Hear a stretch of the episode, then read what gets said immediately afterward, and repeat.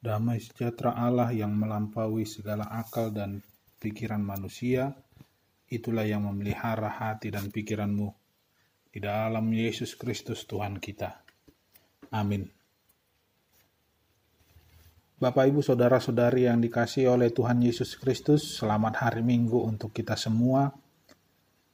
Firman Tuhan yang menjadi khotbah untuk kita di hari Minggu ini tertulis di dalam surat Petrus yang kedua, pasalnya yang pertama, di ayat pertama hingga dengan ayat ke-9. Mari kita buka Alkitab kita, 2 Petrus pasalnya yang pertama, ayat pertama hingga dengan ayat yang ke-9, saya akan bacakan untuk kita semua. Dari Simon Petrus, hamba dan rasul Yesus Kristus, kepada mereka yang bersama-sama dengan kami memperoleh iman oleh karena keadilan Allah dan juru selamat kita Yesus Kristus. Kasih karunia dan damai sejahtera melimpahi kamu oleh pengenalan akan Allah dan akan Yesus Tuhan kita. Karena kuasa ilahinya telah menganugerahkan kepada kita segala sesuatu yang berguna untuk hidup yang saleh oleh pengenalan kita akan dia yang telah memanggil kita oleh kuasanya yang mulia dan ajaib. Dengan jalan itu ia telah menganugerahkan kepada kita janji-janji yang berharga dan yang sangat besar, supaya olehnya kamu boleh mengambil bagian dalam kodrat ilahi dan luput dari hawa nafsu duniawi yang membinasakan dunia. Justru karena itu kamu harus dengan sungguh-sungguh berusaha untuk menambahkan kepada imanmu kebajikan, dan kepada kebajikan pengetahuan, dan kepada pengetahuan penguasaan diri, kepada penguasaan diri ketekunan, dan kepada ketekunan kesalehan, dan kepada kesalehan kasih akan saudara-saudara, dan kepada kasih akan saudara-saudara kasih akan semua orang. Sebab apabila semuanya itu ada padamu dengan berlimpah-limpah, kamu akan dibuatnya menjadi giat dan berhasil dalam pengenalanmu akan Yesus Kristus Tuhan kita.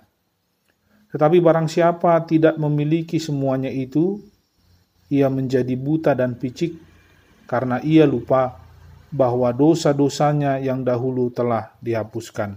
Demikian firman Tuhan. Bapak, Ibu, Saudara-saudari yang dikasihi Tuhan Yesus Kristus, kalau ditanya kepada kita, pernahkah dalam sebuah perjumpaan atau dalam sebuah acara kita ditanya oleh orang lain, kira-kira bapak atau ibu paling suka makan apa ya? Nah, tentu kita pasti pernah ditanyakan hal demikian oleh orang lain. Apa jawaban kita? Pasti biasanya kita akan menjawab makanan yang menjadi kesukaan dari kita.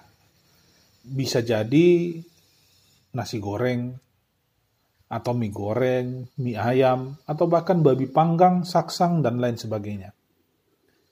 Nah, jawaban yang kita sampaikan itu, Bapak Ibu yang dikasih oleh Tuhan, adalah sebuah pengakuan kepada orang yang bertanya kepada kita. Mengapa kita mengaku? Jawabannya karena kita ditanya. Tidak mungkin tanpa sebab ataupun tanpa pertanyaan seperti itu tiba-tiba kita mengatakan kalau saya suka makan nasi goreng kepada orang lain. Orang akan heran pastinya. Kenapa tiba-tiba dia bilang dia suka makan nasi goreng? Bapak Ibu yang dikasih oleh Tuhan Yesus Kristus, jika pertanyaan seputar hal yang kita suka seperti itu ditanyakan kepada kita, pasti akan sangat mudah bagi kita untuk memberikan jawaban. Namun kalau pertanyaannya kepada kita ini mengenai iman, mengenai kepercayaan kepada Tuhan Yesus Kristus sebagai juru selamat kita, ditanya kepada kita apakah kita percaya Tuhan Yesus menjadi juru selamat kita? Apakah kita yakin dan percaya kepada itu? Tentu jawabannya harusnya saya percaya harus bisa menjawab dengan tegas, saya percaya. Dan puji Tuhan jika kita semua mengatakan, "Saya percaya." Namun, jangan lupa, Bapak Ibu yang dikasih Tuhan, ada juga sebagian orang-orang Kristen yang masih ragu menjawab pertanyaan itu, apakah ia percaya kepada Yesus sebagai juru selamat. Atau bahkan ada juga kelompok orang yang menyepelekan jawaban itu karena mereka mengatakan, ya pasti saya percaya kepada Tuhan Yesus. Karena setiap minggu saya mengaku iman. Mengaku iman percaya, mengaku iman rasuli di gereja, di dalam ibadah. Bahkan tadi pun kita sudah sama mengaku iman kepercayaan kita di dalam urutan ibadah kita. Namun pertanyaannya apakah itu sebuah jaminan? Ketika kita ucapkan tiap minggu, kita ucapkan terus-menerus, apakah itu menjamin diri kita bahwa kita menjadi orang yang betul-betul percaya kepada Tuhan Yesus? Atau dengan situasi negara kita saat ini, situasi dunia saat ini, apakah kita semua percaya Tuhan Yesus akan menyelamatkan? dan akan menyembuhkan kita dari virus corona ini. Saudara-saudari yang dikasih oleh Tuhan Yesus, pada minggu ini kita semua diajak untuk merenungkan mengenai kehidupan kita. Khususnya mengenai komitmen percaya kepada Tuhan Yesus. Komitmen percaya kepada Tuhan Yesus. Kita belajar dari surat Petrus yang kedua yang dituliskan oleh Rasul Petrus itu sendiri. Bagaimana memiliki komitmen di dalam diri kita masing-masing bahwa kita sepenuhnya harus percaya kepada Tuhan Yesus karena Yesus Kristus itu adalah juru selamat dan Allah yang adil bagi kita semua.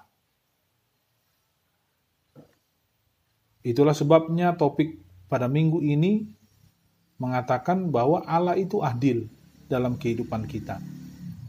Dan teks firman Tuhan hari ini menceritakan bagaimana Simon Petrus memberikan nasihat, memberikan penguatan kepada jemaat Kristen mula-mula yang baru percaya kepada Yesus. Tetapi karena mereka adalah jemaat yang baru bertumbuh, baru mengimani Yesus, mereka masih sulit untuk mengimani Yesus di tengah pergumulan atau tantangan kehidupan mereka bagaimana menghadapi pergumulan iman pada waktu itu. Itulah yang menjadi tantangan jemaat Kristen mula-mula yang dijumpai oleh Petrus. Ada pengajar-pengajar palsu juga yang muncul di sana, yang mengajarkan mengenai ajaran sesat bahwa Tuhan Yesus tidak akan datang lagi untuk menyelamatkan manusia. Yesus tidak akan datang kedua kalinya. Selain itu, pengajar palsu ini juga mengatakan bahwa Allah itu bukan Allah yang adil, Allah itu sengaja membiarkan semua kesusahan itu ada di dunia ini dan membiarkan kita manusia untuk menderita. Nah, inilah pengajaran yang menjadi tantangan iman baru bagi jemaat Kristen yang baru percaya kepada Yesus mengenai Yesus yang tidak akan datang lagi kedua kalinya dan mengenai Allah yang membiarkan kesusahan di dunia ini terjadi. Lalu Petrus mengingatkan melalui firman Tuhan di minggu ini kepada kita. Petrus menasihati orang-orang Kristen pada waktu itu bahwa akan selalu ada tantangan bagi orang yang beriman. Akan selalu ada pergumulan bagi setiap orang yang mau percaya kepada Tuhan Yesus. Tetapi apa yang dikatakan di dalam ayat 4, Bapak Ibu sekalian, di dalam ayat 4 dikatakan di sana, dengan jalan itu ia telah menganugerahkan kepada kita janji-janji yang berharga dan yang sangat besar. Supaya olehnya kamu boleh mengambil bagian dalam kodrat ilahi dan luput dari hawa nafsu duniawi yang, yang membinasakan kamu. Dengan jalan itu, dengan pergumulan itu, sebetulnya Allah menganugerahkan kepada kita janji yang berharga, dan janji yang sangat besar di ayat 4. Supaya olehnya kamu boleh mengambil bagian dalam kodrat ilahi. Di ayat 4 ini Petrus menguatkan jemaat mula-mula dengan mengatakan bahwa ada anugerah Allah. Akan ada selalu anugerah Allah dalam semua kehidupan manusia. Akan selalu ada anugerah Tuhan dalam setiap sisi dari kehidupan manusia dan itulah yang harus diingat oleh seluruh orang Kristen di dunia ini. Seluruh hidup kita ini merupakan anugerah Tuhan yang diberikan Tuhan bagi kita.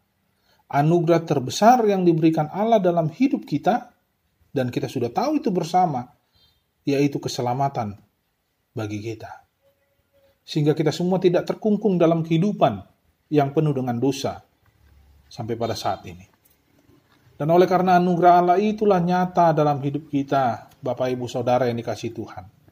Petrus menyatakan bahwa harus ada kesungguhan dalam diri manusia untuk memperkuat imannya. Menghadapi berbagai macam tantangan. Harus ada kesungguhan, komitmen dalam diri setiap orang Kristen untuk memperkuat imannya atau bertahan di dalam komitmen kepercayaannya kepada Tuhan Yesus.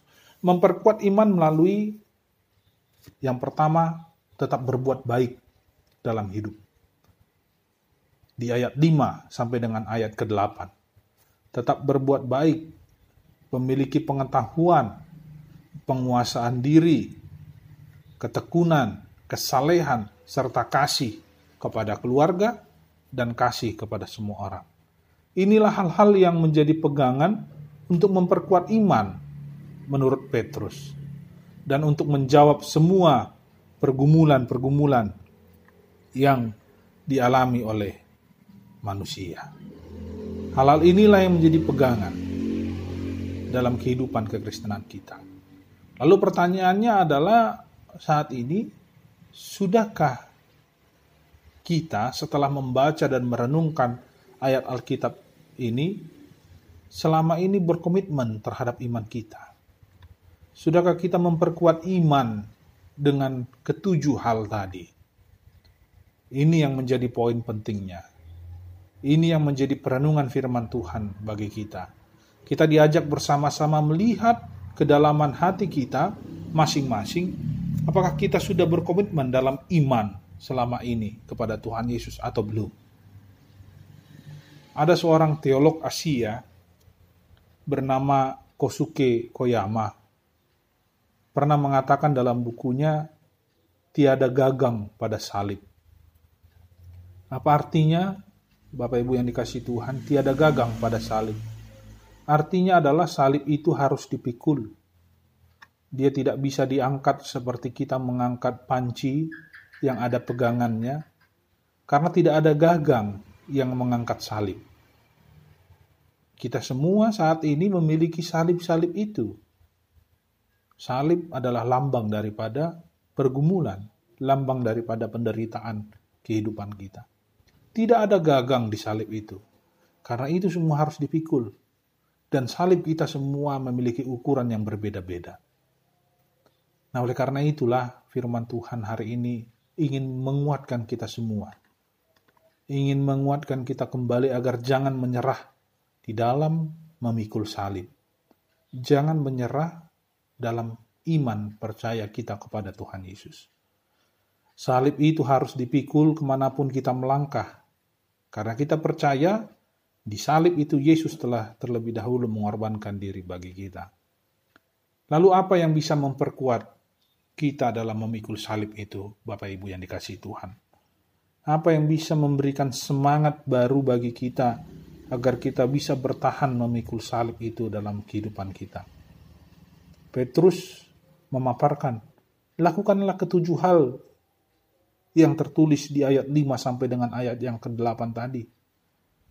Supaya kita bisa bertahan dalam iman. Yang pertama adalah selalu berbuat baik. Meskipun banyak orang yang membencimu, meskipun banyak orang yang menghinamu, tetapi selalu berbuat baik, lakukanlah yang baik. Oleh karena kita adalah orang baik, maka kita melakukan kebaikan. Karena kita adalah orang-orang baik, maka kita melakukan kebaikan. Kebaikan ini akan mengalahkan kejahatan. Kebaikan ini akan mengalahkan semua dendam dan kebencian di tengah dunia ini. Jika semakin banyak orang yang membenci kita karena kita melakukan kebaikan, maka tetaplah lakukan yang baik, karena kejahatan akan berkurang jika semakin banyak kebaikan terjadi. Yang kedua adalah memiliki pengetahuan yang benar tentang iman kita, tentang Tuhan Yesus Kristus. Sehingga jika ada ajaran sesat yang muncul kembali seperti di zaman Petrus, ajaran yang mencoba menggoda kita untuk keluar dari iman percaya kita, maka kita bisa menjawabnya dengan benar. Punya pengetahuan yang benar tentang kekristenan. Dari mana kita mendapatkannya? Dari membaca Alkitab. Rajin-rajin membaca Alkitab kita ini. Yang ketiga, Bapak Ibu sekalian, menguasai diri. Penguasaan diri, kata Petrus menguasai diri agar tidak tergoda dengan kenikmatan dunia yang akhirnya membuat kita menjauh dari kebenaran firman Tuhan. Yang keempat adalah ketekunan. Tekun. Ketekunan dalam melakukan kebenaran firman Tuhan. Ketekunan di dalam berdoa kepada Tuhan. Yang kelima, kesalehan. Kesalehan perlu saleh di dalam bertindak, kesalehan di dalam bertutur kata. Jadi tidak ada orang yang merasa bahwa dia salah kalau menjadi orang yang saleh. Terbalik. Kekristenan selalu meminta kita untuk menjadi orang yang saleh, menjadi orang yang baik, menjadi orang yang bertindak dan bertutur kata menunjukkan siapa itu kekristenan. Apa itu kekristenan dalam hidup kita? Yang keenam adalah menunjukkan kasih kepada saudara-saudara melalui perbuatan pastinya. Hal ini menjadi penting bagi Petrus karena jemaat Kristen pada saat itu masih baru terbentuk. Kasih menjadi penguat bagi mereka yang bersaudara, bagi mereka yang berkeluarga. Makanya kasih itu harus dimulai dari tengah-tengah keluarga. Petrus sudah menunjukkannya itu. Setelah kasih kepada saudara-saudara, maka yang terakhir, yang ketujuh adalah kasih kepada semua orang. Itulah cara kita, Bapak Ibu yang kasih Tuhan, untuk memperkuat iman, mendapatkan kekuatan untuk memikul salib yang menjadi pergumulan kita selama ini. Bahkan sampai dengan saat ini. Nah, dalam pergumulan kita bersama saat ini tentunya juga Bapak Ibu yang dikasih Tuhan adanya wabah COVID-19 atau virus corona ini menjadi tantangan bagi iman kekristenan kita. Pertanyaannya sama. Apakah Tuhan membiarkan ini? Atau sampai kapan ini akan terjadi? Berapa banyak lagi korban yang harus jatuh karena virus ini? Ini menjadi tantangan iman pertanyaan mendasar saat ini di dalam kekristenan kita. Namun orang Kristen harus mengimani bahwa apa yang terjadi saat ini bukanlah karena hukuman Allah. Itu yang perlu kita ingat. Allah kita adalah Allah yang adil. Allah kita adalah Allah yang penuh kuasa. Namun dengan pergumulan ini kita diajak untuk semakin berkomitmen di dalam iman kekristenan kita. Ini menandakan kita harus semakin berkomitmen dengan iman kekristenan kita. Tetap berbuat baik kepada semua orang. Tetap memiliki pengetahuan yang benar untuk mencegah virus ini. Memberikan pengetahuan yang benar yang bukan hoax untuk mencegah virus ini kepada banyak orang yang masih tidak peduli. Masih banyak orang yang tidak peduli dan tidak mengindahkan anjuran dari pemerintah untuk tetap menguasai diri. Ada penguasaan diri dalam menghadapi virus ini dengan tidak keluar dari rumah, dengan menjaga jarak sosial, bahkan jarak fisik, dengan tekun dan tetap saleh membaca firman Tuhan dan berdoa. Tekun dan saleh membaca firman Tuhan dan berdoa. Serta yang terakhir, Bapak Ibu yang dikasih Tuhan, harus bisa saling mengasihi. Karena ini adalah momen paling penting bagi kita untuk saling mengasihi, terutama bagi kita yang berkeluarga. kita semua yang memiliki keluarga, yang saat ini disuruh tinggal di rumah, tunjukkanlah kasih itu kepada orang tua, kepada suami istri, kepada anak kita, pada abang adik kita semuanya. Inilah momen. Dan tidak lupa, tunjukkanlah kasih kepada semua orang. Karena banyak orang yang membutuhkan bantuan kita sekarang. Ada banyak cara, ada banyak jalan kita memberikan bantuan dan menunjukkan kasih kepada semua orang. Persoalannya, maukah kita tergerak untuk menunjukkan kasih itu bagi semua orang? Percayalah, Allah adalah Allah yang adil, yang menyatakan kuasa dalam hidup kita. Dan percayalah ini semua akan selesai, ini semua akan berakhir. Ketika semua orang mau untuk mempertahankan imannya, mau tetap berbuat baik, memiliki kasih bagi semua orang. Kiranya firman ini selalu menguatkan dan memberkati kita di mana pun kita berada. Amin.